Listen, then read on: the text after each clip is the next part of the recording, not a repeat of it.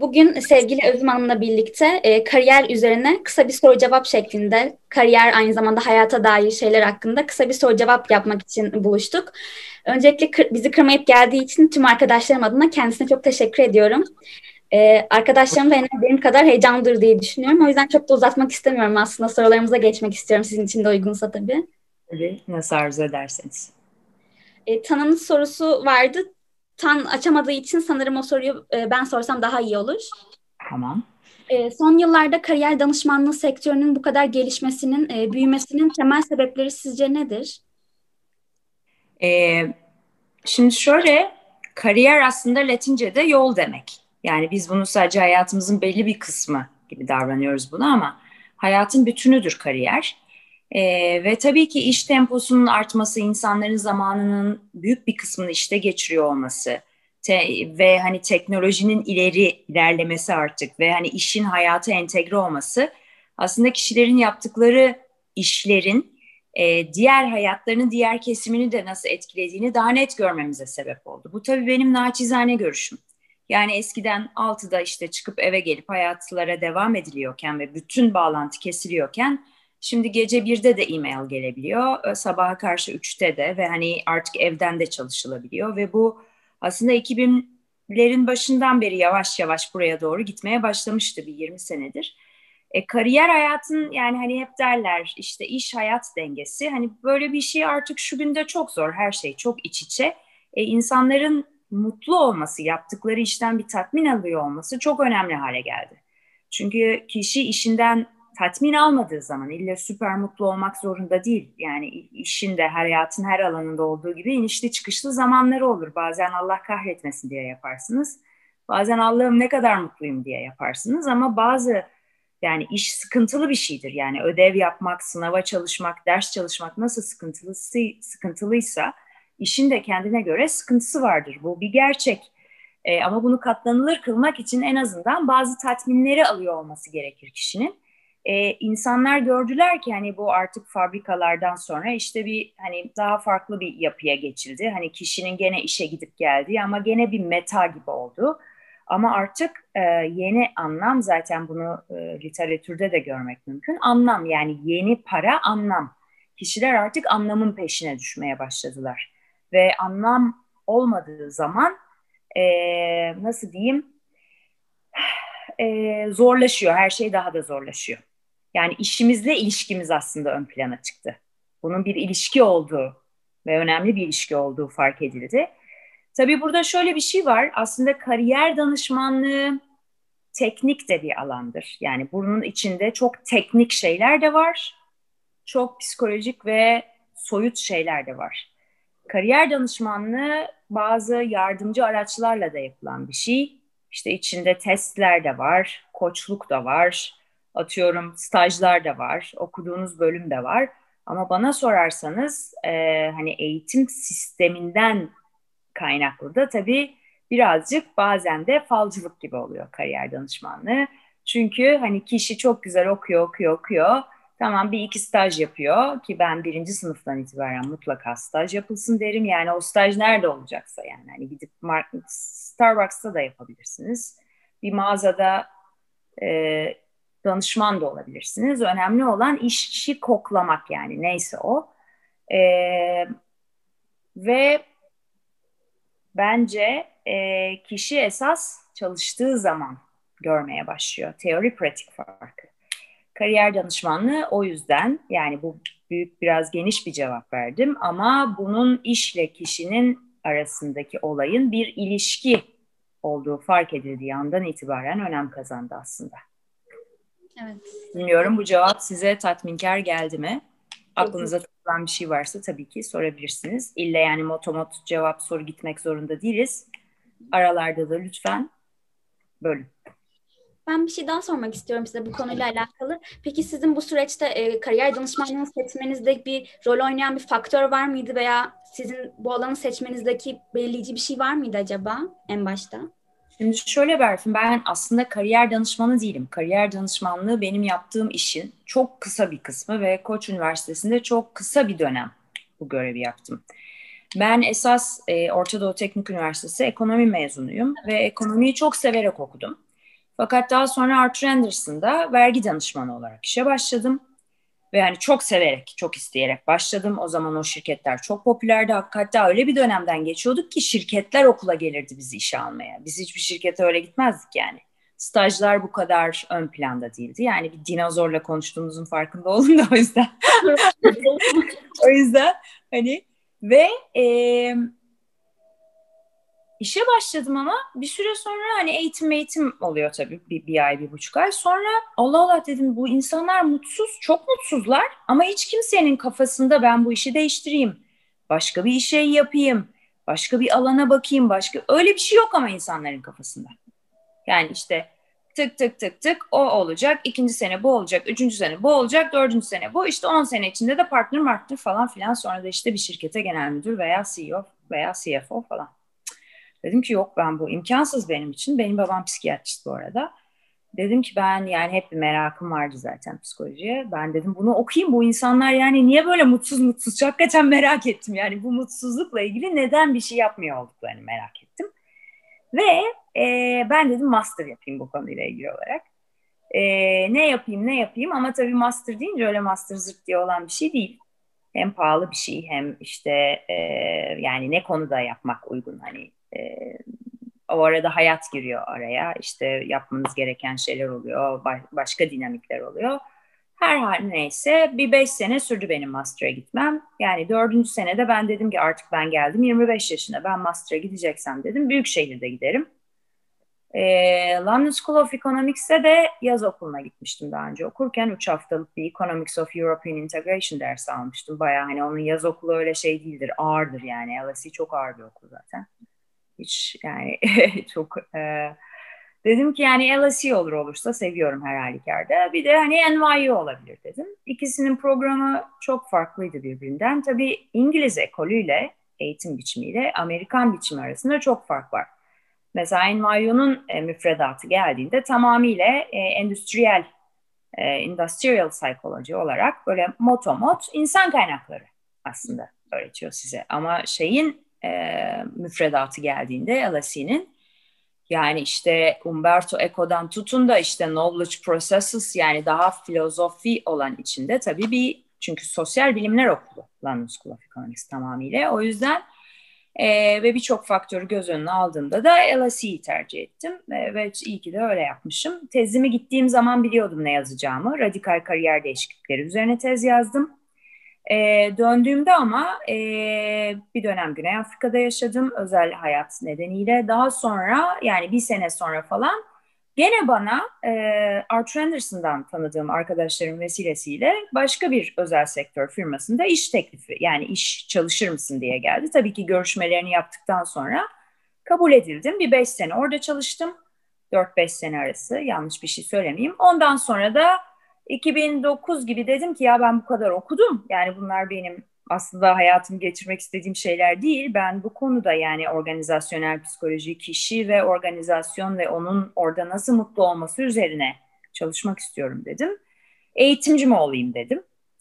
E, eğitim birkaç eğitim firmasına gittim. Bir tanesi dedi ki Özüm sen hani eğitimci olmak istiyor musun? Yok ben eğitime hiç inanmıyorum aslında dedim. Çünkü önce çalıştığım firmada eğitimci dediğimiz kişiler e, iyi satışçılardan oluyordu. Bir medikal firmaydı, Amerikalı bir medikal firmaydı. Boston Scientific söylememde de bir sakınca yok. LinkedIn'de var zaten. Ve inanılmaz güzel eğitimleri oluyordu. Hani iyi satışçılar başarılı olunca expat pozisyonda eğitimci oluyorlardı ve e, yani insan ilişkilerinden ürünlere, ürünlerden satış tekniklerine kadar çok geniş bir e, program tasarlayıp ilgili kişileri oraya getirip yani aslında koordinatörlük ve hani nasıl diyeyim hem de eğitim kısmını yapıyorlardı. E, tabii hiçbir yerde öyle bir eğitim yok. Ha bir de bir şey unuttum. LSE'ye gitmeden önce ben e, dedim ki ben bir staj yapayım. Bu insan kaynağı ben gideceğim master ama dönüşte nerede çalışacağım? Gene o zaman Arthur Anderson, Ernst Young olmuştu. Yani Anderson ve sonra Ernst Young. Onların Türk Telekom projesinde 6 ay staj yaptım ve insan kaynakları danışmanlığının insanla hiç alakası olmayan Excel sheet ve e, tamamıyla teknik bir konu olduğunu fark ettikten sonra ha tamam o işi yapmayacağım dedim ona karar verdim. Yani ben aslında hiç E, İK yapmamış, insan kaynakları konusunda çalışmamış, eğitim vermemiş, fasilitasyon yapmış, 3 sene learning and development üzerine öğrenme teknolojileriyle ilgili bir startupta çalışmış. Onunla ilgili bazı fasilitasyonları yapmış. 2010'dan beri de 3 ayrı okulun koçluk hani belgelerini alarak e, koçluk yapmaya hak kazanmış bir kişiyim. Esasında kariyer koçuyum. E, kariyer danışmanlığı yani çoğu kişinin yapabileceği bir iştir. Genelde CV düzeltirsiniz. Mülakatlara gideceğinizde de ne yapılacağı, ne edileceği anlatılır. E, gençlerle aranın iyi olması iyidir. İdealist olmanın çok büyük payı vardır kariyer danışmanlığı işinde. Çünkü sonuçta o gençlerin bir geleceğinin olduğu ve o gelecekte nasıl iyi olacaklarının aslında yapılarıyla, hayatlarıyla, karakterleriyle çok uyumlu olduğunu bilmekte fayda vardır. Böyle işte. Çok iyi, teşekkür ederiz. Ee, şimdi Boran'la devam edebiliriz eğer Boran açabilirsen tamam. siz. Benim sorum aslında sizin deneyimlerinize dayanan bir soru. Hani şimdiki zamana kadar birçok e, size danışan insan olmuştur şu zamana kadar. Benim merak ettiğim e, bizim e, yaşımızda olup hani size gelen ve hani bu anlamda danışan insanların e, çok üstünde durmadığı ama aslında bizim hani bu kariyerimizde çok e, önem arz eden bir husus var mı? Hani böyle özellikle dikkat, dikkatinizi çeken bir husus oldu mu? Hani varsa bu nedir? Hani bizim şimdiden sizden bunu öğrenmemiz, duymamız, bu deneyimi kazanmamız bizim için de çok iyi olur diye düşündüm. O yüzden bu soruyu sormak istedim. Teşekkür ederim şimdiden. Ben teşekkür ederim. Ee, biraz önce anlatırken bir şey anlatmaya atladım. 2011'den beri de online bir platformun aslında kariyer koçluğu ve danışmanlığını yapıyorum ve biz orada gençlerle çalışıyoruz. Hatta bir dönem o kadar talep oldu ki öyle bir dönemde o. E, liseden üniversiteye geçmekte olan gençlerle de çok fazla sayıda çalıştık. E, orada esas çok fazla deneyimleme şansım oldu. Çünkü hani Koç Üniversitesi'nde çalıştığım ve tanıştığım gençler de çok başarılılardı ama onlar bir yola girmişlerdi. Şimdi şöyle benim fark ettiğim şey şu. Şimdi tabii Türkiye'nin de bir yapısı var. Yani bir, ben yaşım ilerledikçe şunu daha iyi görüyorum. Herhangi bir konuyu ele alırken konteksti ele almadan değerlendirmek hakikaten onu eksik bırakıyor. Ee, yani Türkiye'nin sosyokültürel yapısını artık biliyoruz. Burada bir yapı var, ee, bir kültür e, var ve bir kültür yozlaşması da maalesef var. E, belki bu diğer ülkelerde de vardır. Ben tabii içinde olduğum ülkeyi daha iyi yorumlayabilirim.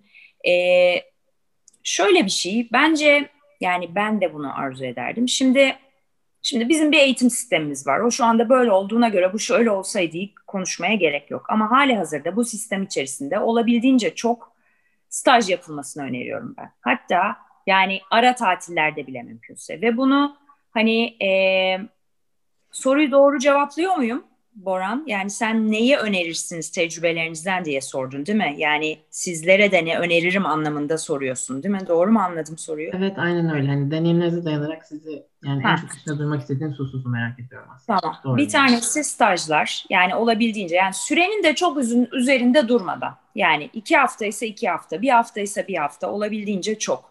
İlginizi çeken her konuda kendinize sınır koymadan. Çünkü yaş ilerledikçe şöyle bir şey de oluyor hayal kurmayı bırakıyoruz. Yani öyle bir şey oluyor ki mesela Aa, biz ülke, Türkiye'de yaşıyoruz bu olmaz. Şurada yaşıyoruz bu böyle olmaz. Ama ben hakikaten yani şimdi şöyle bir şey hayat. Şimdi böyle gidiyorsunuz çok güzel başlıyor. Sonra 30'larda böyle oluyorsunuz. Sonra böyle 40'lara 50'lere doğru gene böyle o unuttuklarınızı yeniden fark etmeye başlıyorsanız şanslıysanız. Şimdi hayal kurmadan hiçbir şey olmuyor hayatta bir kere. O yüzden mutlaka yani en azından aklınıza gelen hayalleri elinizin tersiyle itmemeniz. Türklerde çünkü böyle bir şey var. Ve maalesef benim hani bu yaptığım işten de şahitlik ettiğim atıyorum ben yüzlerce kişiye online danışmanlık verdiysem ki yüzlercedir gerçekten. Herkesin hayali e,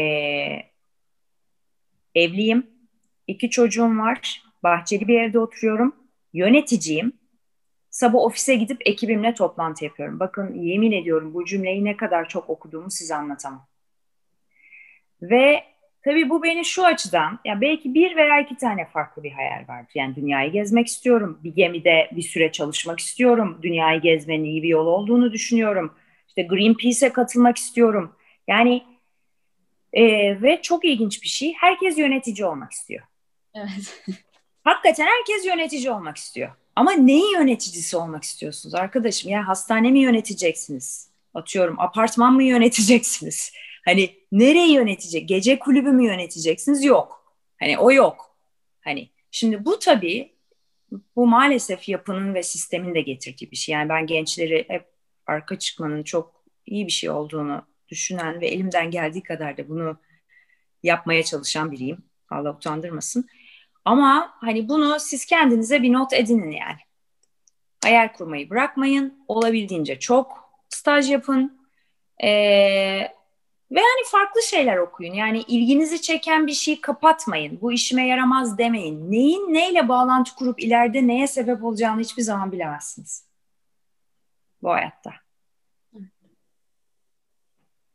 Çok haklısınız ne yazık ki. Kurduğumuz hayaller konusunda da yani söylediğiniz birçok şeyde aslında kendim de buldum. Arkadaşlarım da bulduğumu düşünüyorum açıkçası. Ee, şimdi Hüseyin'e devam edebiliriz. Hüseyin. Hüseyin nerede? E, merhaba tekrar.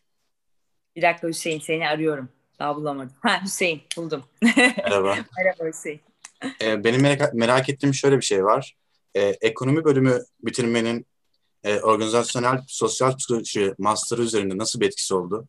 Ortak noktaları var mı? Ve master yaparken size faydaları oldu mu?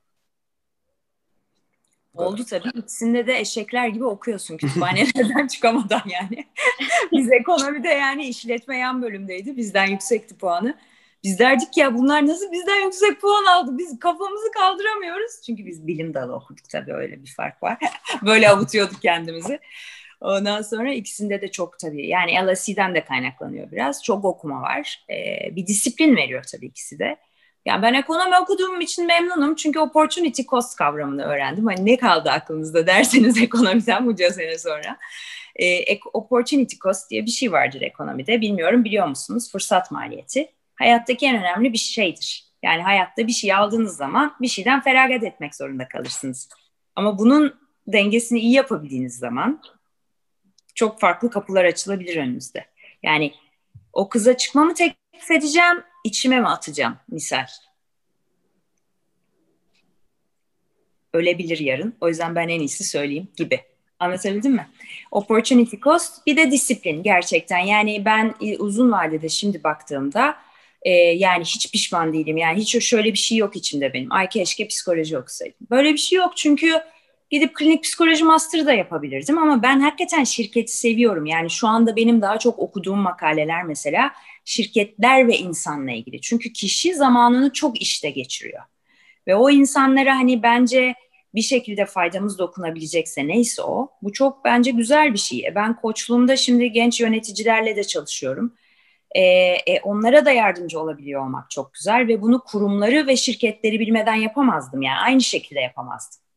E, bir de şu var mesela şeyi de seviyorum yani bir şekilde ilgi alanıma da hitap ediyor. Mesela son zamanlarda bu e, şirket yöneticiliği eskiden beri severim ama şimdi bu yaş aldıkça arttı da hani bu adamlar nasıl yaptılar bu işleri? Yani onların makaleleri olsun, kendi röportajları olsun, biyografileri olsun. Daha biyografilere geçemedim ama otobiyografilere.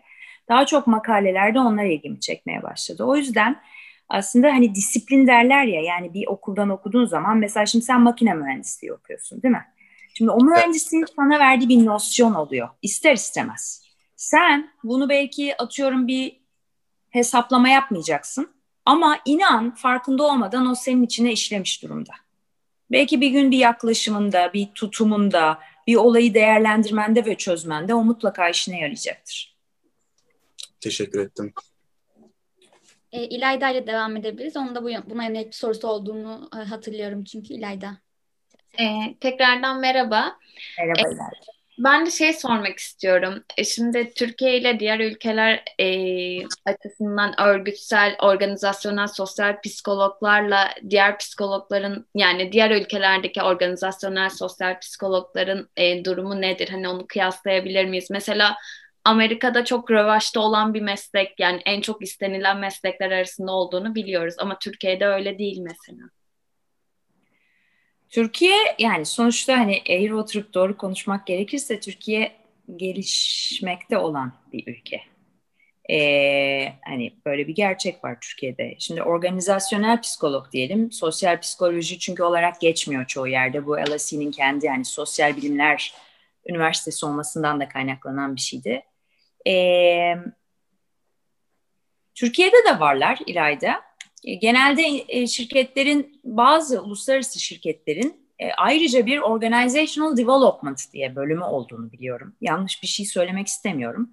Biraz tabii insan kaynaklarından farklı bir bölümdür. Aslında insan kaynaklarının bünyesinde de olabilir, ona bağlı olarak ayrı da olabilir.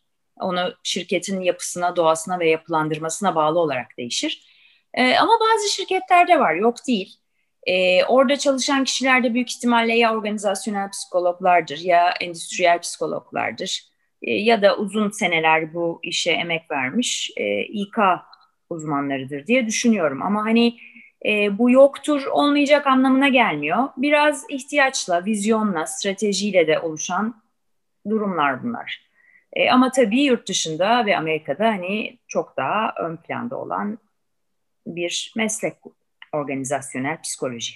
Yani şu anda daha çok sen bir iş ara, mesela stajı aradığında hani organizasyonel psikolog diye Türkiye'de bulma ihtimalin zayıf. Ama bir insan kaynakları stajyeri olarak çok daha rahat bulabilirsin diyeyim. Bir de, bir de sizin dediğiniz gibi sanırım anlamış olmalılar ki artık e, sosyal yani master olarak sosyal psikolojiyle e, örgütsel psikolojinin çok ortak noktası olduğu için artık üniversiteler hani örgütsel değil de sadece örgütsel sosyal psikoloji diye master açıyorlar. Ya da insan kaynaklarını artık insan kaynakları değil de people management diyorlar. Çünkü insanı artık bir e, kaynak olarak görmeyi bıraktılar gibi birazcık. Bakalım. Çok teşekkürler. Rica ederim. Ee, tekrar Boran'a geri dönebiliriz. Boran'ın da bir sorusu vardı psikolojiye yönelik. Hazır oradan devam ediyorken. Tamam. Teşekkür ederiz. Ee, benim de şu an yani şu an henüz ikinci sınıftayım ama hani hedeflerimi yani az çok oturttuğumu düşünüyorum. Tabii ki de değişecektir eminim zamanla. E, şu an sosyal psikoloji hem de klinik psikolojiden yüksek lisans yapmak istiyorum. Benim için bayağı uzun bir süre var sanırım okuma sürecim olarak. E, açıkçası sizin de yani e, yurt dışında e, belli deneyimleriniz olmuş eğitim hayatınız açısından. Açıkçası benim merak ettiğim şey burada hani yurt dışındaki yüksek lisans programları hakkındaki düşünceleriniz ve hani bu okulların mesela mülakatlarında hani ne gibi e, şeylere dikkat etmeliyiz? Mesela atıyorum çeşitli başarı bursları nasıl kazanılıyor ya da işte mülakatlarda ne gibi sorular sorulabiliyor gibisinden böyle yani çok spesifik bir soru gibi gözüküyor ama aslında genel şeyleri merak ediyorum. Hani neler katabiliriz kendimize ki oralarda daha başarılı olalım diye. Şimdi şöyle Boran eskiden daha hani motomot daha geneldi üniversitelerde hani işte ya GRE ya GMAT isterdi. Bir statement of purpose isterdi ve hani işte senin e, notlarınızın olduğu kağıda ne diyorduk böyle hani puanlarımızın olduğu transkript transkript isterdi. E, ama şimdi e, üniversiteler tabii çok hem çoğaldılar sayı olarak hem de her bir program aslında bazen isim olarak benzese bile içerik olarak farklılaşmaya başladı. O yüzden öncelikle e, karar vereceğiniz birkaç şey var. Yani mesela işte mezun oldunuz. Bir, hemen mi master yapacaksınız yoksa hakikaten mezun olduğunuz bölümü deneyimleyip daha sonra mı bir master programına gideceksiniz ve isteklerinize ve o tecrübenize göre mi bir master seçeceksiniz? Bunu yaptınız diyelim. İkincisi hayatınızı nerede yaşamak istiyorsunuz? Yurt dışına mı gitmek istiyorsunuz? Türkiye'de mi kalmak istiyorsunuz? Sonra diyelim ki yurt dışına gitmek istediniz. Avrupa'da mı kalmak istiyorsunuz? Amerika'ya mı veya Kanada'ya mı gitmek istiyorsunuz? Ee, Avrupa'nın çünkü programları bir veya üç senelik daha kısa yani doktora ve master. Amerika'nın daha işte iki senelik master'ı ama bir senelikler de olabiliyor artık. Yani onu üniversite bazında bakmak lazım.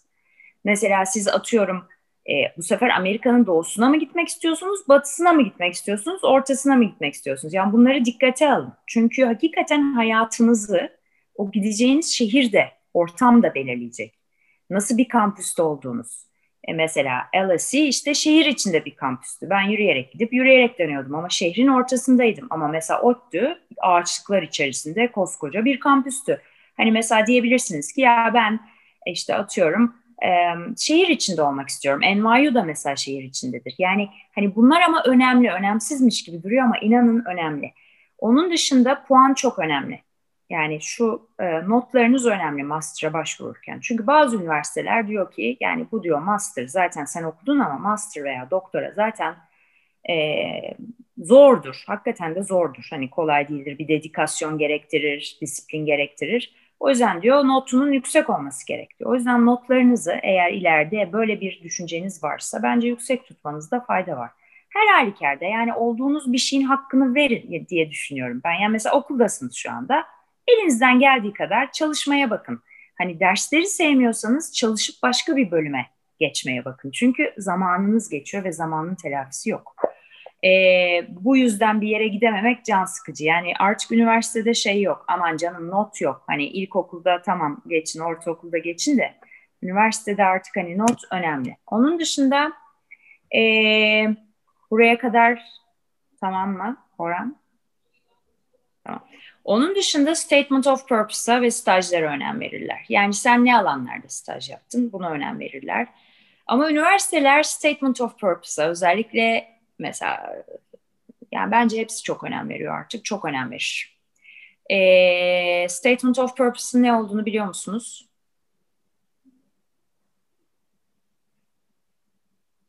Biliyor musunuz? Benim bir bilgim yok.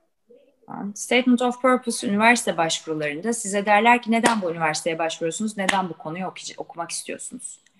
Ve burada hakikaten otantik olmanız gerekir. Yani orada sizin o üniversiteler e, onları istediğinizden emin olmak isterler ve çok ayrıştırıcı bir şeydir Statement of Purpose. Çünkü şöyle düşünün, işte atıyorum bir tanesi GRE istedi, ötekisi GMAT istedi. 100 tane öğrenci geldi. Hepsinin hepsi 3 aşağı 5 yukarı aynı. Neye göre karar verecek? Karakterinize ve kim olduğunuza ve yazdığınız şeye göre. Tabii bunu maalesef parayla yazdıranlar, yaptıranlar da var anlaşılır anlaşılmaz. Bence hani böyle bir yolda bunu e, satın almak bence akıl kârı değil ama İngilizcesi için o, yani destek alabilirsiniz tabii ki o ayrı bir konu. Yardımcı olabildi mi Boran? Evet tabii ki de çok teşekkür ederim. Rica ederim. Selin'le devam edebiliriz. Selin'e soru sorabiliriz. Öncelikle tekrardan merhaba Özüm Hanım. Ee, ben bu soruyu bugün bizim canlı yayınımıza özel sebeplerinden dolayı katılamayan Pelin arkadaşımız adına ileteceğim bir nevi size. Özellikle kendisinin e, sormam istediği soru şu yönde aslında siz de az önce birazcık bahsettiniz. Mesela üniversite eğitimimiz bittikten sonra ilk başta deneyimler mi elde etmemiz hani sizin deneyimleriniz doğrultusunda daha doğru yoksa direkt master programıyla mı devam etmemiz sizce daha doğru olur? Şimdi burada da iki şey devreye giriyor. Selin ve Pelin. Ee, burada olmasa da ona da selamlar olsun. Ee, şöyle e, mesela bir kişi der ki ben akademisyen olmak istiyorum. E, tamam o gitsin direkt doktorasını, master'ını yapsın zaten. O doktora yapacak, daha okuyacak çok şey var. Ama bir kişi kararsızsa, mesela akademisyen mi olayım, iş hayatında mı kalayım veya bu bölümümü devam ettireyim, acaba başka bir iş mi yapayım diyorsa ben önce çalışmasını öneririm.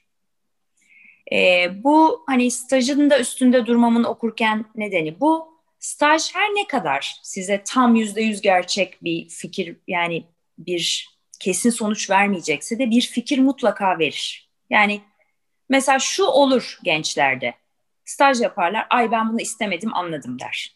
İstediğini hemen bulamayabilirsin ama hiç olmazsa istemediklerini elersin stajda. O çok önemli bir faktör. Bu kadar. Sade bir cevap. Doktora yapacaksa evet, go for it. Ama kararsızsa e, mutlaka çalışmalı. Ne yapmak istediğini bilmiyorsa mutlaka çalışmalı. Bunu da lütfen iki sene diye kısıtlanmasın. Hani iki sene diye bir kısıt var, böyle bir şey yok. İsterseniz 10 sene çalışın, isterseniz 5 sene çalışın. Yani üniversitelerin şöyle bir şey yok çünkü. 45 yaşında sizi almıyoruz. Böyle bir şey yok master programlarında. Gene aynı sınava girersin, ciğerini alırsın. Ha şöyle bir şey oluyor tabii. Okuldan uzaklaştıkça Hani o ders çalışmanın kendine göre bir disiplini ve temposu vardır. Ama o da yani biraz yani çalışkan insana o çalışırsınız yani bir şey olmaz işte ben 5 sene sonra, sonra gittim. Yani rocket science değil öyle söyleyeyim. Evet. Diğer soruyu alayım. Tamamdır. Şaran'ın sorusu olacak size. Bu arada aklınıza başka soru gelirse onları da cevaplayabiliriz. Bir dakika. Nerede Şara? Buradayım. Arıyorum bir dakika bulacağım. Buldum. Mu? Buldum. Evet, güzel. Ee, öncelikle tekrar merhaba. Merhaba. Ee, benim sorum genel ama aslında çok önemli bir soru. Sizin de bildiğiniz üzere e, Türkiye'de çok fazla hukuk fakültesi var ve çok fazla mezun veriyor her sene. E, sonuçta bizim kendimizi farklı kılmak için bir yol izlememiz gerekiyor.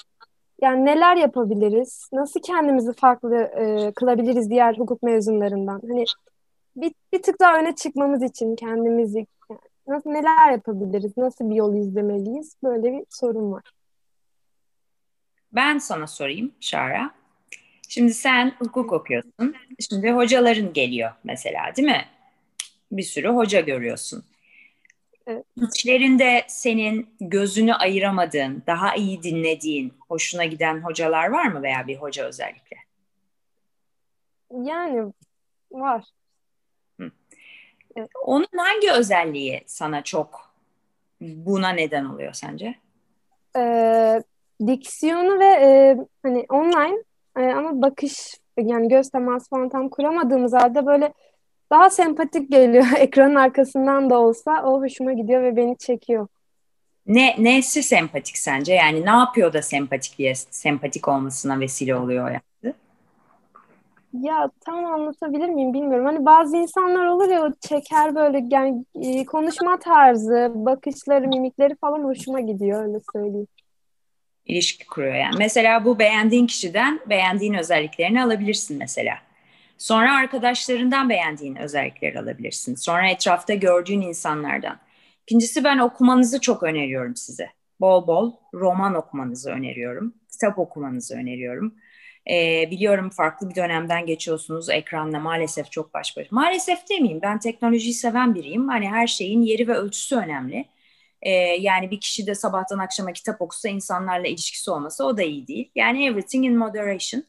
Ama e, kendinizi entelektüel olarak da geliştirmenizin ben ileride size faydası olacağını düşünüyorum. Çünkü o size bir görüş verir hayata, bir felsefe verir. Bir hayat felsefeniz olsun, değerlerinize bakın. Ben bu hayatta neye değer veriyorum? Ben bu hayatı nasıl yaşamak istiyorum? Ara sıra oturun 6 ayda bir, bir senede bir. Yazın. Ben hayal kurun. 5 sene sonra ne yapmak istiyorum? Ona oraya bir olta atın, bir çapalayın kendinizi yani. Ee, o zaman çünkü bir reflect edersiniz kendinize dönüp. Mesela her dönemin bitişinde oturun bir 15 dakika. Bu dönem nasıl geçti? Ben neyi iyi yaptım? Neyi daha iyi yapabilirdim? Nerede kendimi daha iyi geliştirmek istiyorum diyeyim. Daha iyi olmak istiyorum diyeyim. Ee, böyle. Hayatınızı yaşayın, tadını çıkartın, denemekten çekinmeyin. Çünkü kişinin zenginliği, iki lafı bir araya getirebilmesi, kendini güzel ifade edebilmesi, e, kelamını anlatabilmesi, oturup kalkmayı bilmesi. Bunlar tabii ki sizi ayrıştırır diğerlerinden. Yani biri gelir oturur, öteki gelir merhaba der, nasılsınız der.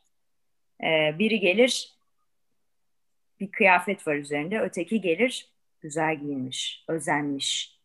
Şıklıktan bahsetmiyorum. Temizlikten ve yani bir beyaz gömlek ve bir siyah pantolondan ve temiz bir ayakkabıdan bahsediyorum. Anlatabiliyor muyum? Fark böyle yaratılır. Ama bunun için biraz kendinize başka alanlarda da yatırım yapın. Bilmiyorum biraz Teşekkür büyük ederim. bir cevap verdim ama bu. Başka bir şey yok. Yani bunun kolay bir yolu yok. Rica ederim. Ya haklısınız tabii ki. Yani hakikaten bunlar e, hayatınızı aslında nasıl şekillendireceğinizle alakalı. Dört sene sonra bir, bir mülakata gittiğinizde e, o dört seneyi nasıl geçirmiş olduğunuz önemli. O farkı yaratıyor olacak. Anladım. Teşekkür ederim. Çok sağ Rica ederim. Sadece hukuk için değil aslında hepimizin de e, ilgilendiren cevap oldu. Hepimiz için de çok faydalı olduğunu düşünüyorum. Ben hepimizin bölümü için de aynı şey geçerli çünkü. Tabii, Çok- bu söylediklerim herkes için geçerli. Her bölüm, her yaş, her şey için geçerli. Şimdi Arno ile devam edebiliriz. Arno da müsaitse. Merhaba yine. Ee, bulabildiniz mi beni? Arıyorum Arno. Ben şeyi de belirtmek istiyorum bu arada. Az önce dediklerinizi de babam bana çok söylüyor. Çok hoşuma gitti o yüzden. Ay, sevindim ne güzel. Evet, e, şimdi benim sorum şu şekilde. E, ülkemizde bazı sektörler yeterince gelişmemiş. Özellikle üretim konusunda mesela telefon, işte uçaktır, arabadır veya bir birçok çeşit işte üretimden bahsediyorum veya bazıları da ekonomik nedenler yüzünden e, duraklama döneminde inşaat mesela makine mühendisliği okuduğum için beni de ilgilendiriyor bu konu bayağı. E, sizce bu çalışma alanları e, veya sektörler üzerinde kariyerimizi şekillendirmek doğru mu? Ne düşünüyorsunuz? E, duraklama halindeki sektörler üzerinde üzerine şekillendirmek mi? Ya aslında ikisi de hem duraklama hem de hiç ya gelişmeyen üretim mesela Türkiye'de çok çok üretim yok teknoloji alanında. Mesela ben makine mühendisi olarak e, çevreci bir sistem yapmak istesem Türkiye'de neredeyse, neredeyse yok. Çok sayılı yani bunlar. Mesela güneş enerjisini kullanayım, şunu yapayım falan dersem. Şimdi şöyle Arno, e, nasıl diyeyim? Bir kere hani şunu sorayım sana da sen bu bölüme isteyerek ve severek mi girdin mesela? Yani evet, böyle bilinçli evet. bir seçimle mi girdin? Evet evet benim şimdi şöyle zaten büyük babam da babam da makine mühendisiydi. Ben gördüm de bunları. E, bu sene özellikle bu yaz staj yaptım babamın yanında. Hı. Daha önce de görmüştüm. Yani benim hoşuma gidiyor. Çok güzel. E, gerek bilinçli seçim. Şanslı insanlardan birisin. Çok güzel. Tebrik ediyorum. Yani girdiğin için. E, şimdi şöyle e, zaten hali hazırda seviyorsan ve o alanda çalışmak istiyorsan bence çalış. Çünkü dört sene sonraya kim bilir neler olacak. Böyle bir gerçek var. Yani şimdi yok ama her an olabilir. Çünkü dünya zaten çok kötü durumda. İşte ne kadar ömrü kaldığı bilinmiyor. Sustainable her şey artık gittikçe pompalanmaya başladı. Türkiye bunu ne, ne zaman yakalar bilmiyorum ama yani bence en kısa zamanda biri çıkar diye düşünüyorum. Çünkü burası alan, boş bir alan şu anda. Ee, birincisi bu. İkincisi sen yapabilirsin mezun olduğunda bunu. İlle hani birinin yapmasına gerek yok. Sen bir entrepreneurship yetkinliğinle ve ailenin de arkadaki olan tecrübesiyle bunu başka bir şeye dönüştürebilirsin. Ee, onun dışında ben e, bir şeyi seçerken, bir mesleği, bir dediğim gibi onu seviyor muyum, sevmiyor muyum, ilgi duyuyor muyum? Emin değilsem onunla ilgili stajlar yapıp onu görmek e, ve değiştirme şansım varsa mesela sizin döneminizde artık double major çok yapılıyor. Notlarımı yüksek tutup bir iki sene içerisinde başka bir ilgi alanımla ilgili double major yapabiliyorsam yapmak veya ek ders almak. O da bir şey e, bence metot. E, ya hepsi birlikte yürümeli. Anlatabiliyor muyum? Ben sana önce şunu yap sonra bunu yap diyeceğim bir şey değil. Hem isteğin, arzun, hem e, stajların, hem o arada literatürü takip etmeniz önemli tabii. Neler oluyor, ne oluyor. E, bunun dışında mesela ileride bir hayaliniz varsa böyle bir şey yapmak, bunu kimle yapabilirsiniz? E, onu yapmak için mesela belki senin business öğrenmen gerekiyor. Belki biraz finans öğrenmen gerekiyor. Anlatabiliyor muyum? Yani bu tip şeyler. Ama ben eğer bir kişi bölümünü seviyorsa hani ileride Türkiye'nin durumu böyle değil. Ya Türkiye'nin durumu zırt değişiyor zaten. Türkiye'nin durumunun ne olacağını hani hiçbir yerin bilmiyoruz ki. O yüzden e, ben forecastleri de hani tabii ki onlara da yer açın hayatınızda ama onların da motomot bu olacaktır diye bir şey söyleyemem. O yüzden en iyi bence pusula sizin kendi içinizdir ve onları bilgiyle ve bilimle desteklemenizdir. Çok teşekkür ederim. Umarım yani için. rica ederim. Dediğim gibi bir tek cevap yok. Veremiyorum çünkü benim öyle bildiğim bir cevap yok. Tamam teşekkür ederim. Rica ederim. Şimdi Altan'ın bir sorusu olacak size. Merhabalar tekrardan. Merhaba. Sesim geliyor mu? Geliyor. Ee, ben şunu sormak istiyorum. Ee, sizin de kariyerleriniz sürecinden de e, deneyimlerinizden de faydalanmak amacıyla hayatta e, işler planladığımız gibi gitmediği zaman e, belirli alanda yaşadığımız kriz anlarında beynimizde karar verirken duygularımızın mantığımızın önüne geçmesine nasıl engel oluruz? Yani mantıklı bir şekilde nasıl karar alabiliriz? Bunu sizin açınızdan dinlemek çok isterim. Teşekkür ederim. Duygularınızın mantığınızın önüne geçmesini sonuna kadar destekliyorum Altan. Çünkü e, duyguların kendine göre bir zekası vardır. Biliyorsun Pascal'ın bir lafı vardır. Aklın kendine göre gerçeklerini, kalbin kendine göre gerçeklerini akıl anlayamaz diye birinin birinin önüne geçmesi değil, ikisinin güzelce konuşması gerek. O yüzden bir yerde mesela sana iki tane iş geldi önerisi. Veya sen bir örnek ver istersen aklına takılan daha güzel olur. Senin mesela yaşadığın bir şey varsa sen bana onu söyle onun üzerinden gidelim. Benim tabii öğrenci olduğum haliyle yaşadığım hani şeyler genelde kriz anları ya arkadaşlık ilişkileriyle ilgili ya da Oradan çok olabilir problem değil.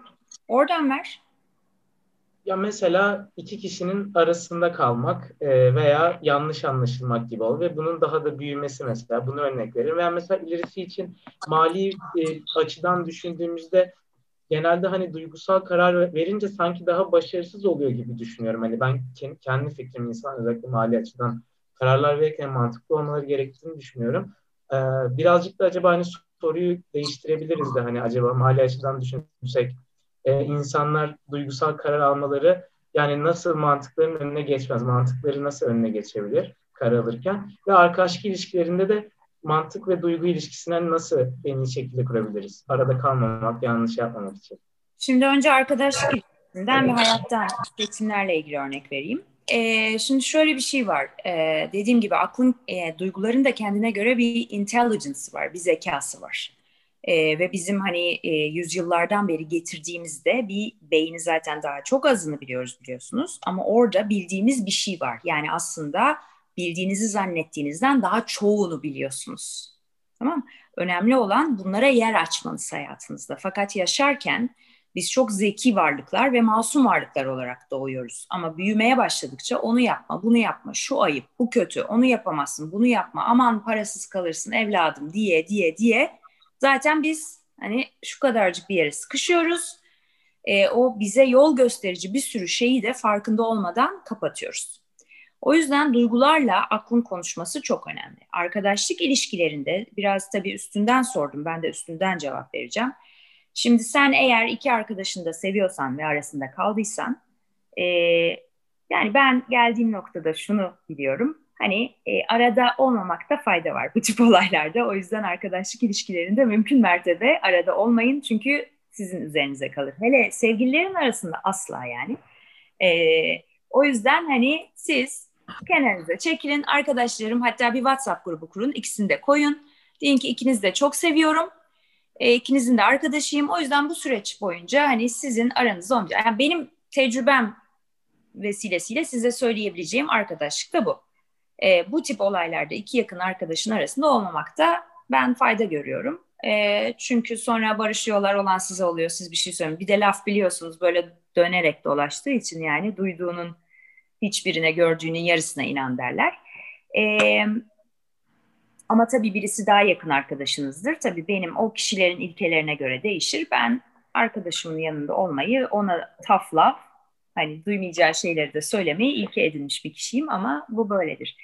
Para kısmına gelince e, eğer sorunu doğru anladıysam mesela bir yere bir yatırım yapılacak veya yapılmayacak. Ben bu konunun uzmanı değilim. Bunu tabii ki bir borsacı, veya bir finansçı çok daha iyi yanıtlayacaktır. Ben sadece hani duygularla ilgili kısımla ilgili söyleyeyim. Şimdi duyguları kullanmakla duygu durumunu yansıtmak arasında bir fark var. Şimdi bu şöyle karıştırılıyor. Mesela e, bir çocukta bunu çok iyi görürsünüz. Mesela kızar ve ağlamaya başlar. Benim 9 yaşında bir kızım var. Mesela diyor ki ben duygularımı göstermemekte zorlanıyorum. Mesela kızıyor, yere atıyor bir şeyi hayırdır hani ne oluyor? İşte ben kontrol edemiyorum. E edeceksin yani çünkü öyle olmaz. Çünkü duyguları kontrol etmek hayattaki en önemli kontrol etmek derken ortaya çıkartmamak, saklamak anlamında değil. O duyguyu ne zaman, nerede, nasıl ortaya koyacağınızı belirlemek anlamında söylüyorum. Ee, bence mesela bazen yatırımdan örnek vereyim. Bazen insanın içi kendi e, bir arkadaşımın yaşadığı bir şeyden vakti zamanında seneler önce bir yatırım teklifi geldi. Baktığınız zaman muhteşem. Yani muhteşem. E, fakat içi hayır diyor. Yani teknik olarak muhteşem. Ama içinde bir şey hayır diyor. Benim düşüncem bu tip durumlarda o işe bir süre bir bakmaktır girmeden önce. Çünkü içiniz sizin bilmediğiniz bir şeyi biliyor ve uyarıyor olabilir sizi. Anlatabiliyor muyum? O yüzden bütün datayı toplayıp, bilgiyi toplayıp, onun işte bütün teknik analizlerini yapıp, Sonra içinize sorun derim ben. Mesela öğrencilerle çalışırken de mesela üniversiteden teklifler gelir. Mesela atıyorum bir tanesi Amsterdam'dan gelmiş, ötekisi Rotterdam'dan gelmiş. İkisi aynı program. Amsterdam'a mı gideyim, Rotterdam'a mı gideyim? Mesela diyorum ki gir Google Map'ten bir dolaş gitmediysen eğer. Hakikaten bir bak hangi kafeler var, hangi restoranlar var, fotoğraflarına bak. Çünkü bir süre içinin oluşması için biraz ona data vermen lazım. Ama içi insanın biraz bakarak, hissederek, koklayarak. E görüp hissedemiyorsan elindekine işte Google Map oradan bakacaksın. Oradaki insanlarla konuşacaksın. Yani atıyorum sıcak seviyorsan belki daha Amsterdam, daha sert bir hava seviyorsan belki daha Rotterdam. Yani bunlar bile belirleyici olabilir. O yüzden olabildiğince fazla data toplayıp sonra içinizin oluşmasına izin vereceksiniz. Anladım. Bu bilmiyorum. Çok cevap. Rica ederim. İşine yarıyor mu? Kesinlikle. Yani şunu çıkardım açıkçası. Yani duyguları bir köşeye itmek yerine hem duygu ve mantığı birlikte e, topladığımız verilerle birlikte harmanlayıp ona göre bir karar vermek gerekiyor. Yani ne ona ekart edeceğiz ne ona ekart edeceğiz. İkisini birlikte kullanmayı öğreneceğiz. Bir de e, bir şey öneririm. E, kullandığınız kelimeler çok önemli. Kendinize çünkü nasıl konuştuğunuzu belirliyor kullandığınız kelimeler. Duygu ve mantık yerine duygu ve akıl diyebilirsin. Duygu ve akıl diyebilirsin. Çünkü ikisi de mantıklıdır. Duygunun kendine göre bir mantığı vardır. Aklın kendine göre bir mantığı vardır. Sanki duygu ve mantık denildiğinde kendine duygu mantıksızmış diyorsun. Evet, Bunun egzersizini yap mesela. Anlatabildim mi? Bunlar çok evet. önemli. Kendinize kelimeleri nasıl söylediğiniz. Çünkü duyuyor sisteminiz. Tamam. Teşekkür ederim. Çok sağ olun. Rica ederim. Evet, şimdi Boran'la devam edebiliriz. Tekrar Boran'ın tekrar sorusu vardı. Evet, benim bugün size bayağı sorum oluyor böyle. Zor. ee, şey öncelikle soruma geçmeden önce en son söylediğiniz şey çok şey uyandırdı bende gerçekten. Çünkü ben de yani kısaca paylaşmam gerekirse biraz duygusal bir insanım aslında. Yani hani duygularım hep ön plandadır. Hatta bu benim seçtiğim bölümde biraz beni hep düşündür böyle. Ee, işte psikolog olacaksın Boran ama hani bunu çok ya dozajını aşarsan işte nasıl kontrol edeceksin falan bunu çok düşünürdüm. Ama hani siz de böyle bir şey söyleyince çok iyi geldi bana açıkçası. Teşekkür ederim. Hani aslında belli bir süre sonra şeyi anladım. Beni ben yapan, aslında beni güçlü yapan şeyler olduğunu daha sonra fark edebildim aslında. Çok önemli eskiden... olduğu. Duygular. Evet. Aynen öyle. Yani e, şu an şey diyorum mesela iyi ki böyle bir insan mesela eskiden şey derdim. Bu beni çok zayıf yapıyor işte ne yapacağım falan. Ama şu an mesela daha çok daha farklı hissediyorum. O yüzden dediğiniz e, cümleye çok katılıyorum. Yani ikisi de bence mantıklı kendine göre. Sadece dediğim gibi dozajını ayarlamak ve kendimiz iç sesimizi dinlemek lazım bence de. Soruma gelirsem de e, aslında yine üstüne konuştuk. Şu şekilde son zamanlarda araştırdığımda bu staj olayının ve gönüllülük işlerinin e, aslında iki ayrı olarak şey olarak gördüğünü gördüm birçok insan tarafından. Ve hani bana söylenen şuydu hani staj evet çok önemli e, belli başlı şeylerde çok önem arz ediyor. Ama hani bunun biliyorsunuz işte ücretli olma kısmı var. Bu tarz etik şeyler de tartışılıyor. Belki biliyorsunuzdur. E, ve şey dediler hani gönüllülük işlerinde çalışmanın aslında bu yüksek lisans ve ileriki iş hayatınızdaki e, mülakatlarınızı size daha artı getireceğini e, gibi duyumlar aldım. E, bu gönüllülük işlerinden de bahsettiğim hani işte dernekler olur, e, çeşitli farklı kurumla olur, e, staj dışında. Hani buradaki fikrim size şey soracaktım. Hani ikisi de evet önemli ama hani sizce böyle bir ayrım var mı? Hani gerçekten gönüllülük işlerine daha farklı mı bakılıyor diye deneyimlerinize dayanarak böyle bir soru sormak istedim. Şimdi ben bunun cevabını bilmiyorum Boran. Yani bu şirketin politikasına, kiminle görüştüğüne göre değişir. Ee, o yüzden ben buna yanlış bir cevap vermek istemem. Ama hani görüşeceğin şirkette hani yapısı önemlidir. Mesela sosyal sorumluluğa çok önem veren bir firmadır. Tahmin ediyorum ki onlar gönüllülük işlerine de çok önem veriyorlardır ve hani bana göre bana göre mesela sen benim şirketime geliyorsan ben derim ki Aa, çalışmış mısın çalışmışsın ha staj yapmışsın ha gönüllü çalışmışsın önemli olan kendin dışında bir amaç için emek vermiş olman benim için. Ama o dediğim gibi şirketin yapısına göre değişir ama bana göre ikisinin bir farkı yok bana söylüyorsan.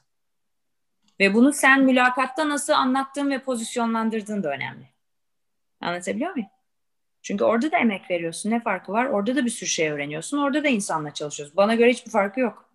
Hani stajın işte sosyal güvenlik kurumuna işte şu kadar yazdırdık da şu kadar ödedik de dışında bilmiyorum. Bana göre teknik şeyler dışında hiçbir fark yok. Teşekkür ederim. Yani bunu son zamanlarda duydum. Size de görüşeceğimizi öğrendim. O yüzden fırsatım varken bu tarz bir şeyini doğrulamak yani, adına da aslında tabii şirketler artık özellikle sosyal sorumluluğa önem veriyorlar. Ama hani staj politikaları çünkü biraz işin doğasına göre de değişir. Mesela şimdi mühendislikte biliyorsun iki tane zorunlu staj var. Ben öyle biliyorum. Sizin üniversitenizde de öyle mi bilmiyorum. Şimdi iki tane zorunlu stajı yapmayıp dört sene yani o işin doğasıyla da alakalı bir şey. Yani sen mesela psikoloji okuyorsun. Senin alanın daha rahat. Sen gidip çocuklarla da toplum gönüllülerinde de çalışsan orada da bir psikolojiyle ilgili bir şeyler edinirsin. Bir koku alırsın. Atıyorum bir oyun atölyesinde çalışsan da alırsın. Ama makine mühendisi için aynısı geçerli değil. O yüzden biraz bölümüne göre de pozisyona göre de değişen bir şey bu. Bunun da tek bir cevabı yok maalesef. Anladım. Çok teşekkür ediyorum. Tekrar. Şimdi Selin'e tekrar devam edebiliriz. Selin'in tekrar bir sorusu var size. Öncelikle tekrardan merhaba Özüm Hanım. Ee, bu evet. sefer e, kendim adına çok merak ettiğim bir soruyu size iletmek istiyorum. Özellikle ileride kariyer yaşamımı az çok böyle belirlemiş olsam da Amerika'da yüksek lisans yapmak gibi bir hedefim var şu anlık diyebilirim. Özellikle belirli olarak mesela Ivy League adı altındaki olan üniversitelerin kabul aşamalarını birazcık inceledim.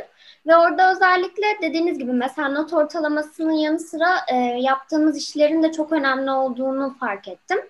Ve orada belki de en çok dikkat çeken noktalardan bir tanesi de az önce hafif de olsa bahsettiğiniz mesela essay kısmında özellikle bizim o üniversiteye kabul edilmemizdeki yani onların bizi neden kabul etmesine yönelik amacımızı belirlememiz.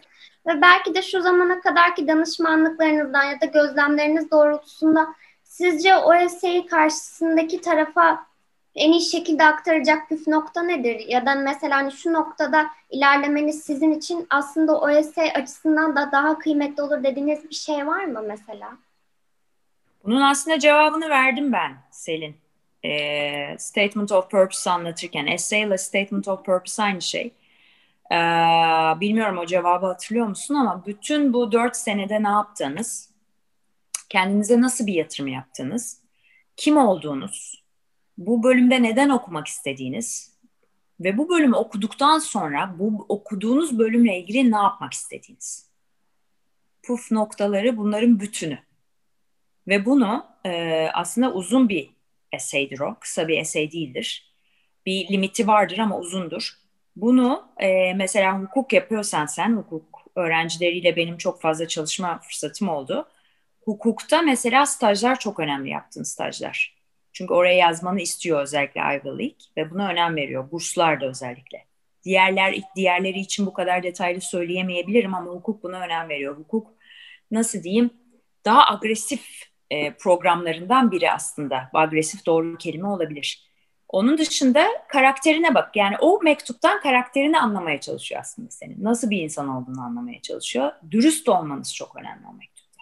Yani mesela senin bu soruyu kafandan atıyor olman lazım o mektubu güzel yazıyor olman için.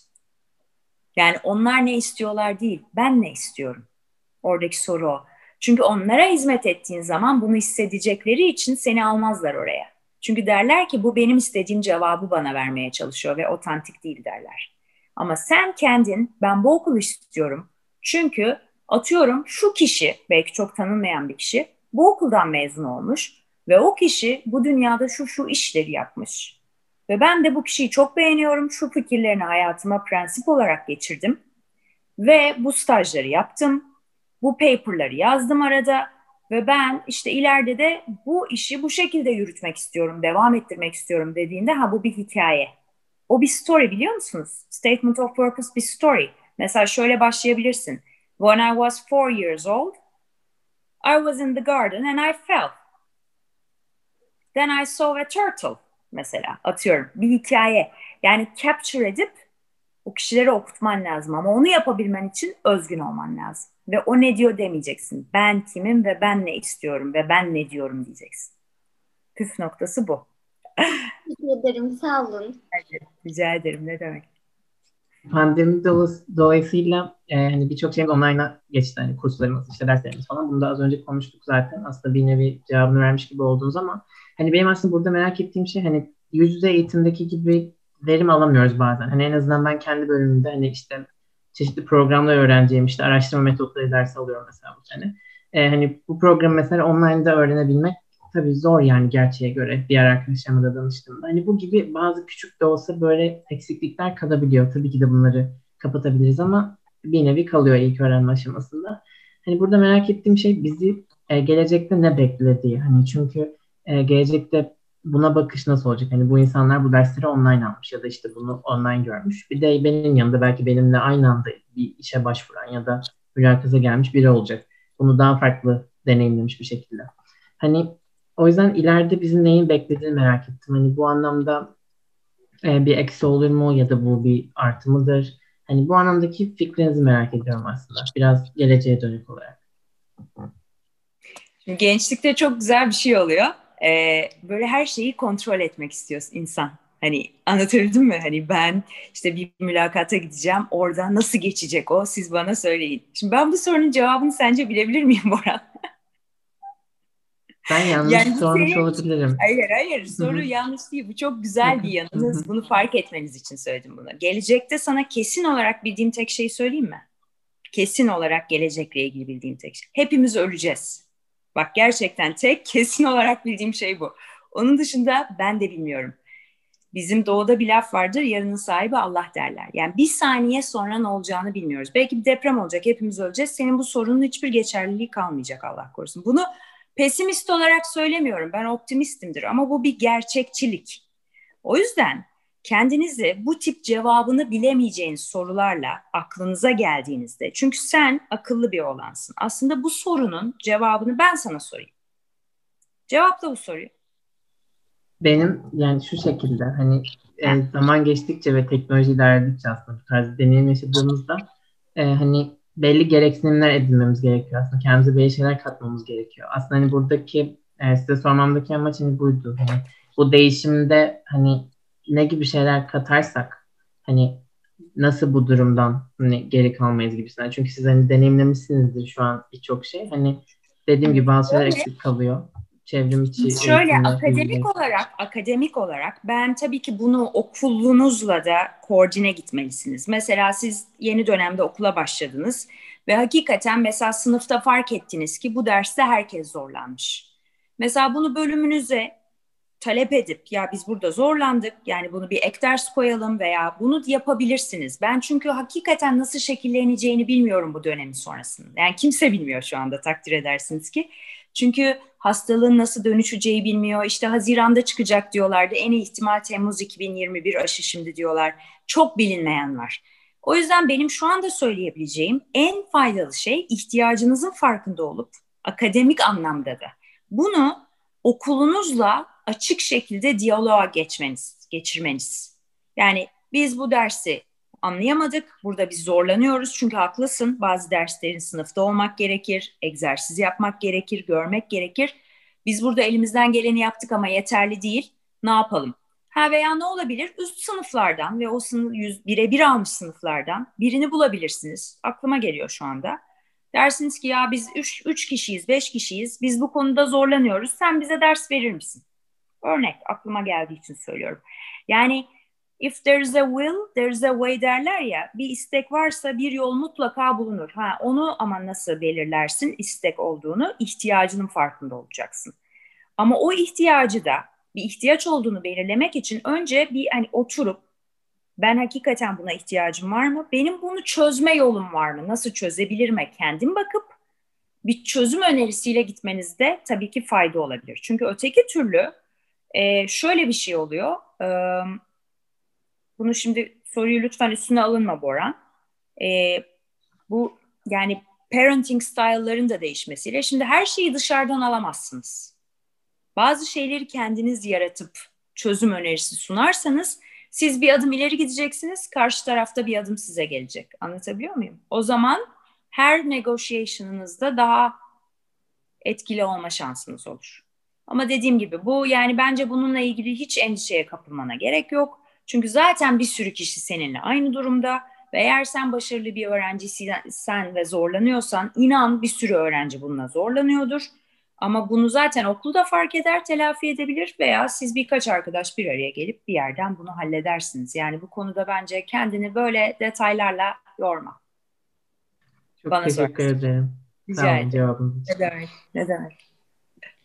E, Şimdi artık benim size bir sorum olacaktı Özüm Hanım. E, Biraz da e, sizin e, kurucusu olduğunuz girişim hakkında sorum olacaktı. Plum Exercise for the Soul hakkında. E, Siz bu girişim e, nasıl ortaya çıktı ya da neleri hedefleyerek e, aslında bu yola girmiştiniz girişiminiz konusunda? Biraz bunlardan hani bize de ilham olması açısından biraz bilgi almak istiyordum. Şimdi bu çok değişik ortaya çıktı. Böyle bir sosyal girişim diye çıkmadı zaten. Mehmet de burada. Mehmet belki sen de katkıda bulunursun. Şimdi ben 2018 senesinde eee, Aralık ayında ayrıldım Koç Üniversitesi'nden ve değişik bir döneme girdim. Kendi hem kendi hayatım hem iş hayatım. Böyle durdum. Dedim ki ya artık kaybedecek hiçbir şey kalmadı herhalde dedim. Ben ne yapmak istiyorum? Hakikaten neyi merak ediyorum şu anda dedim. Aynen iş hayatında olduğu gibi ikinci merakım kadın erkek ilişkisi. Niye insanlar bu kadar mutsuz ve bu mutsuzlukları ile ilgili bir şey yapmıyorlardı? Sonra sevgili Cem Mumcu vardır. O da psikiyatristtir. Babamın gencidir ama hani severim. Çok. Ona bir mesaj attım. Ya Cem siz güzel işler yapıyormuşsunuz. Ben de işte işten ayrıldım. Siz benim etimden sütümden faydalanın. Ben de hani potansiyelimi gerçekleştirecek böyle liberal bir yer bulayım. Çünkü hakikaten insanın kendisi olarak var olması bazı ortamlarda çok mümkün olmuyor. Ee, o yüzden biz Cem'le bir araya geldik. Dedi ki Cem ya dedi benim bir ortağım var Elif. Elif de vardır ilk plan buluşmasında Instagram'da da görürsünüz. Bu birlikte oluşturduğum kişiler bunu, bu işi. Ee, dedi ki biz Elif'le buluştuk. Böyle konuştuk işte şunu yaparız bunu yaparız. Şirketler ve organizasyon onlar daha İKC Elif. Cem psikiyatrist farklı bir yapı kurmuşlar. Tiyatrocular da var orada böyle kendine bakma akademisi eskiden vardı şu anda yok. Ee, ve ben Elif dedi ki e peki Özüm senin hayalin ne dedi. Elif'e de buradan kucak dolusu selam olsun hisseder şimdi kalbinde. Ben de dedim ki vallahi Elif dedim ben kadın erkek ilişkisiyle ilgili bir şey yapmak istiyorum. Aa dedi biz de dedi bireysele girmek istiyorduk dedi. Biz dedi Cem'le buluştuk. Aa ne yapalım ne edelim? Ya dedik işte bir, kon, bir toplantı mı yapsak nasıl yapsak? Ben eski milli yüzücüyüm ben her işe ısınarak giderim. İşte bu master'dan önce staj yapmam gibi. Ya dedim bir ısınalım. Hani millet ne diyor böyle bir ihtiyaç var mı ben istiyorum da insanlar merak ediyor bu konuyu. Cem'in e, Mehmet'in yönetmeni olduğu Dialogger diye programları var. E, o daha iyi bilir nasıl olduğunu. Böyle bir, aslında oturuyorlar birkaç kişi sohbet ediyorlar. Fakat biz ilk defa konulu sohbet olarak e, kadın erkek ilişkisi işte ben Cem, Tuğçe vardı o zaman ve işte Elif oturduk. Çok güzel böyle uzun bir sohbet ettik. Sonra Cem ve Deniz onu işte ekipte başkaları da vardı. Metin yazarı Onur vardı işte. Onlar onu 20 dakikalık bölümler halinde çıktılar. Sonra dedim ki ben tamam çok güzel ama bu arada da işte bir buluşma yapalım. Kimler olsun falan böyle ben götürüyorum. Yani benim projem gibi oldu biraz. İtiyorum çünkü ben çok istiyorum yapmak ama herkes de çok uyumlu bir şekilde ve elinden ne geldiyse hem insan olarak hem işte Mehmet'i onu tanıştırıyoruz, bununla tanışıyoruz. Yani çok insanla tanışma fırsatımız oldu. Sonra dedim ki ben biz şeyleri de çekelim, erkekleri de konuşturalım. Konuşan erkek bulmak çok zor. Neyse biz bulduk bir şekilde. Onları da çektik ama o bir kazaya kurban gitti, yayınlayamadık. Ondan sonra e, 8 Şubat 2020'de Feriye'de biz ilk plan buluşması. Tabii bu bir tane bu bir şeydi. Biletleri Biletix'ten satıldı çok makul bir fiyata ama bir sosyal girişimdi bu. Bunun adını Kerem Dündar koydu aslında. Hakikaten biz insanlara benim içimde hep şu vardı. Hep arkadaşlarımdan ailem, babam psikiyatrist olduğu için bizim bütün ailede doktor aynı zamanda. E özüm işte bizim bir problemimiz var. Evet e, psikiyatriste gidin. Ay çok pahalı. E özüm bizim bir problemimiz var. Psikoloğa gidin. Ay şimdi gideceğiz kim anlatacak? Ve ben şöyle bir fikrim gelişti benim. Beden nasıl hani kas nasıl egzersizle yapılıyor? İşte Şara anlattı. Kaslarım belirmeye başladı.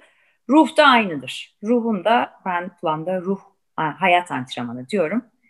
Antrenmana ihtiyacı var ruhunda ve bu antrenmanı da birilerinin yaptırtmasına ihtiyacı var. İşte ara sıra kariyer koçu olur, ara sıra kariyer danışmanı, ara sıra psikolog, ara sıra psikiyatrist, ara sıra başka bir fasilitatör. Oradaki ihtiyaç neyse. Ve dedim ki ben işte bu insanlar eğer gidemiyorlarsa biz getiririz psikiyatristleri ayağına. Sonra biz bu buluşmayı yaptık ve biz 13 Haziran'da duygularla ilgili olarak ikinci plan buluşmasını yapacaktık. Bu bir sosyal girişim. Sosyal girişim nedir? Herkes parasız konuşuyor, çıkıyor. E, ama bütün organizasyon yapılıyor ve kalan para teknik ekibe ve otel yani organizasyonun yapıldığı yere verildikten sonra para kalırsa herkes eşit bölüşüyor. Yani plan buluşmalarının şeyi de buydu. Fakat sonra ben tabii ikisinin arasında zaman var. Şubat'la Haziran. Ne yapalım ne yapalım? Elif'le de o zaman çok yakın yani. Plum'un iki Plum kızı diyordum ben ona. Ben Plum anası. Yaşı da, yaşım da küçük. Exercises for the Soul'u da ben buldum. Plum'u da Plum aslında something desired anlamında. Yani bereketli, bol anlamında. Yani erik de var ama o hani gösterge. İşte logosuydu, şeydi çok heyecanlı ve hızlı bir dönemde. Çünkü geç kaldık biraz. Ben de bu işleri hiç bilmediğim için tabii hayatımda ilk defa böyle bir şey e, bir tagline dediler. Tagline ne? Tagline ne? İşte bu altında yazacak isim işte bir gece böyle oh, exercises for the soul diye. Çünkü ruh egzersizleri yani hep söylediğim şey aslında onu İngilizceye çevirdim sadece. Ondan sonra işte çıktık orada. Konuşmanın bazı bölümleri de var Instagram'da. Account'un altına doğru görürsünüz.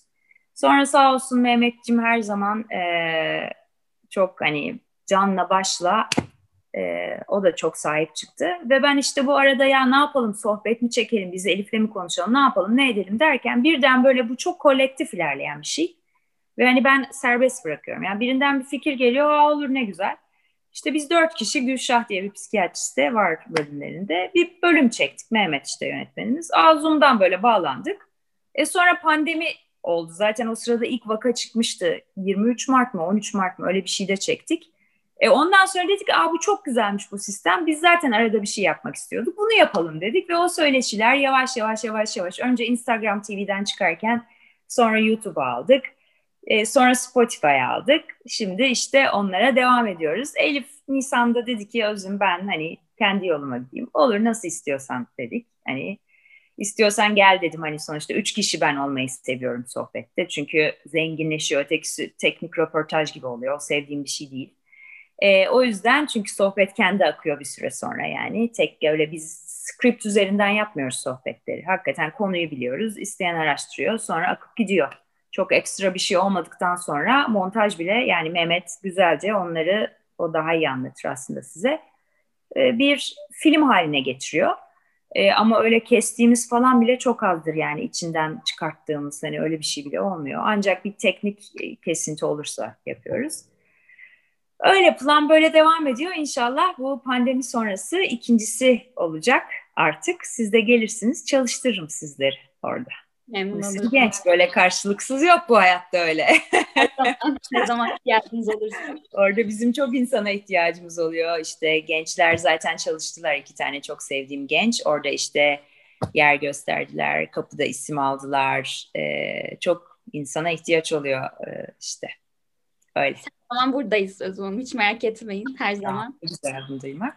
İnşallah. Evet. Çok teşekkür ediyorum. Valla iki saattir konuşuyoruz aslında neredeyse. İki saate 20 dakika kaldı. Çok memnun oldum hepinizle tanıştığıma. Hepinizin de sesini duydum o ya da bu şekilde. Belki fiziksel olarak da görüşmek nasip olur. İnşallah. Ee, kendinize iyi bakın. İyi davranın. Olur mu? Siz de çok ee, çok memnun olduk. Çok teşekkür ederiz. Teşekkür ederiz. Tanıştığımıza memnun olduk. Teşekkürler. Teşekkür ederiz. Teşekkür ederiz.